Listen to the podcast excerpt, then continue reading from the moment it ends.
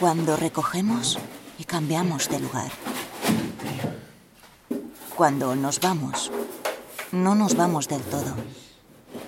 Y tampoco llegamos a un lugar del todo nuevo.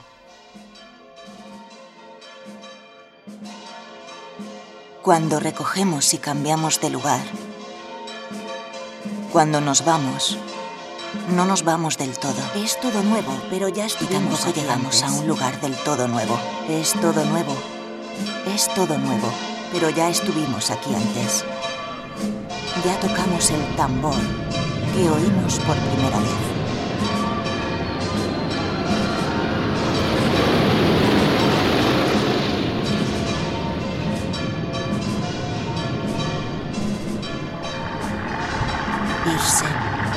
Es cambiar las líneas del lugar.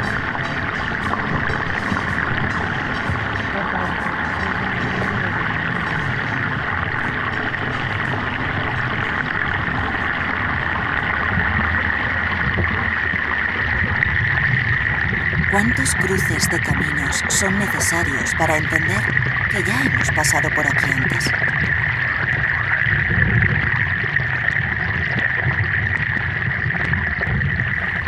El agua es la misma a los dos lados del sumidero. El agua es la misma a los dos lados pasaremos el del desagüe para sumidero. mezclarnos con la misma agua. No es el desagüe nada más que una membrana que utilizamos como símbolo para entender el mundo. El agua es la misma. Los cruces son portales.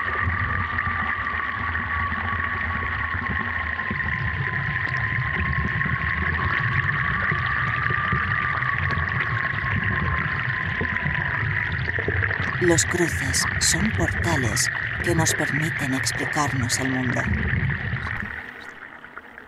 ¿Cuántas veces traspasaremos el desagüe para mezclarnos con la misma agua? Hay membranas al alcance de la mano que hablan de lo permeable.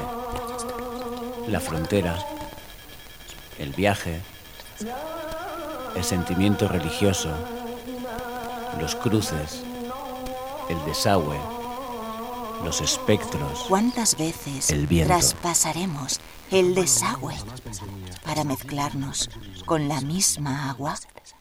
El desagüe. El desagüe. William Blake escribió, El progreso traza caminos rectos, pero los caminos tortuosos, sin progreso, son los caminos del genio. Aún inmóviles podemos percibir la montaña rusa de acantilados y basta un desliz. O aparecería alguien invisible y me lanzaría o de que yo me podría tropezar y caer. Un empujón, Porque era como, ese mirador era como un rinconcito, como una esquina muy pequeñita, no hecho para ser un mirador. Y era el final de ese camino acantilado y... Y conecté con algo, creo que era como una puerta,